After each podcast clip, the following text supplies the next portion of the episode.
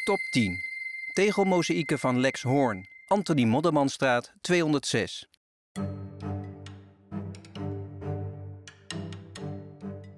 We staan hier bij een tegeltableau getiteld Poten en Vissen. Dit is het eerste uit een serie van drie. De andere bevinden zich op nummer 214 en 222.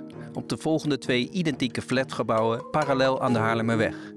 De kunstwerken zijn gemaakt door Lex Hoorn. Ja, ik vind het zelf heel mooi, ook van kleur. Het is heel, ja, het is echt, echt retro heet dat tegenwoordig. Dat is een tijd lang natuurlijk helemaal niet hip geweest, maar nu weer wel. Zacht geel en blauw en een beetje groen-grijs. En het ritme vind ik heel mooi. En uh, de compositie. Ik ben ontzettend blij dat het er nog is. Ja. Dit is Meike Hoorn, dochter van de kunstenaar. Mijnke maakt zich sterk voor het behoud van zijn wandkunst. Hij heeft zo rond de 100 werken gemaakt. Van die 100 werken zijn er nog 39 over. En de herwaardering van haar vader als kunstenaar. Ik heb nu een stichting opgericht, Stichting Lex Hoorn. Een toepasselijke naam. De stichting brengt in kaart al het werk dat Lex Hoorn gemaakt heeft tijdens zijn productieve, maar korte leven. Ja, mijn vader werd in 1916 geboren in Nijmegen en hij is maar 52 geworden. Ja, hij heeft zich volgens mij echt doodgewerkt. Ik was acht toen hij uh, overleed. Lex Hoorn was van vele markten thuis. Hij maakte tegelmozaïeken, zoals deze dus, maar ook wandtapijten, betonreliefs, wandschilderingen. Bijvoorbeeld in de stad Schouwburg in Amsterdam is er nog een hele grote wandschildering te zien. Daarnaast vele tekeningen, schilderijen en ook grafisch werk. Hij heeft in 1959 uh, een serie zomerzegels gemaakt over de deltawerken. Prachtig zijn die. Het belang van Lex Hoorn schuilt niet alleen in zijn omvangrijke oeuvre, maar vooral ook in zijn vermogen om steeds weer te vernieuwen, ongeacht het materiaal waarmee hij werkte. Kijk, we kennen allemaal het glas in lood, kerken, noem maar op.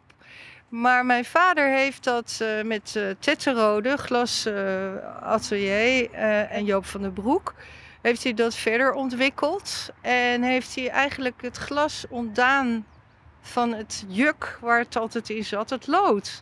En glas op glas technieken ontwikkeld. Glasappliqué heet dat. Een prachtig voorbeeld van een van Hoorns glasappliqués is nog te zien in de hal van station Eindhoven. Het is een vrij figuratief werk met duidelijk herkenbare onderwerpen als scheepvaart, industrie, landbouw en visserij. Mijn vader wilde wel altijd dat het voor iedereen begrijpelijk was. En dat is ook omdat het een sociale functie had. Want zijn kunst vertelt een verhaal over de locatie, over de context van de plek waarvoor het gemaakt is.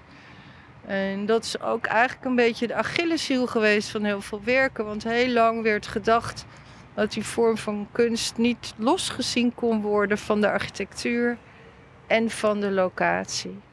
Nou, dat geldt voor een aantal werken zeker, maar je hebt ook echt topwerken ertussen. Die zouden ook gewoon heel goed op een andere plek een nieuw leven kunnen krijgen. En dat is bijvoorbeeld het geval met een van de monumentale werken die Lex Hoorn maakte voor het Jan Swammerdam Instituut. Ja, ik was helemaal fan van het gebouw. Heel veel mensen vonden het het lelijkste gebouw van Amsterdam zo'n beetje. Nou, dat is altijd goed, hè? Als mensen iets het allerlelijkst vinden, moet je, moet je opletten. Het enorme pand is helaas al jaren geleden gesloopt, maar het werk van Hoorn is behouden. En dat krijgt nu een nieuw onderkomen in de kerstverse fietsenstalling van het Centraal Station. Daar kunnen 30.000 fietsen in en het is te hopen dat de gebruikers zo nu en dan even blijven staan om te genieten van het uitgesproken expressionistische kunstwerk. Mijn vader heeft een enorme krachtige beeldtaal. Het is een beetje geen gelul drie bier, zeg maar. In, in, in een hele mooie zin hoor. En daarom werkt dit ook zo prachtig. Hè? Want je hebt alleen maar tegels. Nou, je kan er niet heel veel kanten mee uit. Je ziet het, ze zijn soms schuin doormidden gesneden. Heel veel meer kan je er ook niet mee. En dat is echt heel erg mooi gemaakt en bedacht. En dat is ook zo leuk dat je hierin ook kan zien dat er echt met stucadoors en ambachtsmensen gewerkt werd, samengewerkt werd.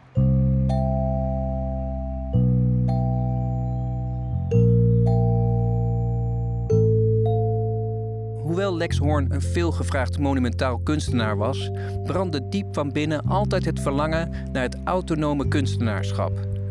Die wilde echt kunstenaar worden, weet je, vrij kunstenaar. Dat heeft hij eigenlijk zijn leven lang gewild. Dat was ook een worsteling tussen hè, de wat meer toegepaste kunst en, uh, en zijn vrije werk.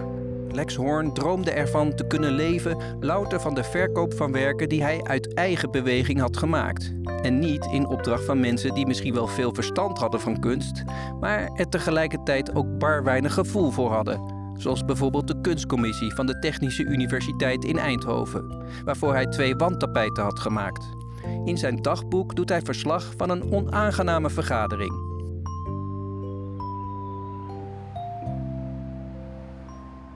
Ik kan me niet herinneren ooit zo geschokt te zijn geweest als daarna. Het was een levendig, intelligent gesprek waarin geen woord onbegrijpelijk was.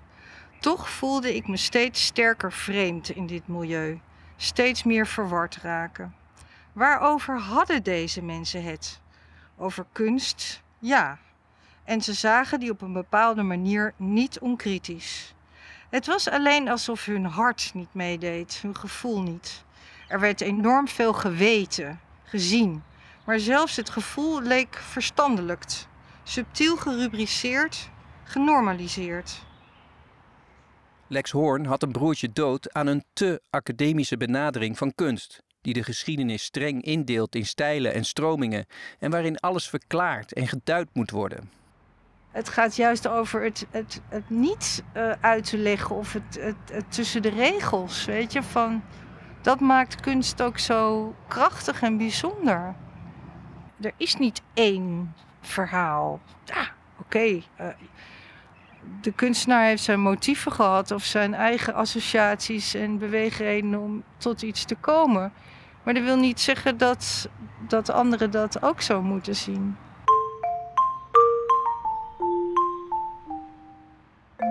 En kunst is natuurlijk eigenlijk ook helemaal geen intellectuele aangelegenheid. En want kunst is al zo oud als de mensheid.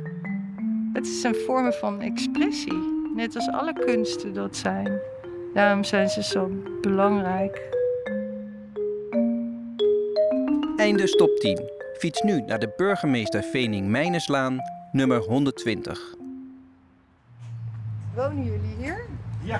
Wat leuk, ja, want uh, ik, we hebben het even over de tegeltableaus. Oh, okay. ja. Ja, is bijzonder. Moet ja. alleen even schoonmaken. Ja, want ik wilde eigenlijk van, wat, vind, wat kijk je er wel eens naar? Wat vind je ervan? Of, uh... Ja, ik heb er de eerste keer naar gekeken, maar het valt me niet echt op. Nee? Nee. Je loopt er gewoon langs, ja, je precies. wilt snel naar huis. Ja, je gaat naar boven en uh, ja, het valt je niet echt meer op. Ja, maar toch zat het wel ergens in je onderbewust, want je zei wel er net van, uh, ja, dat is, dat is bijzonder, zei je. Ja, want je ziet het niet overal. Als, uh, nee, als je overal waar je loopt, dan zie je dit niet. Nee. Dat is wel mooi. Ja, vind je het mooi? Ja. Heb je ook gezien wat erop staat? Of wat erop zou kunnen staan? Want dat is natuurlijk voor iedereen. Voor mij lijkt het gewoon een kunst. Een kunstwerk. Gewoon kunst. Ja. Dank u, fijne dag. Ja, jij ook bedankt.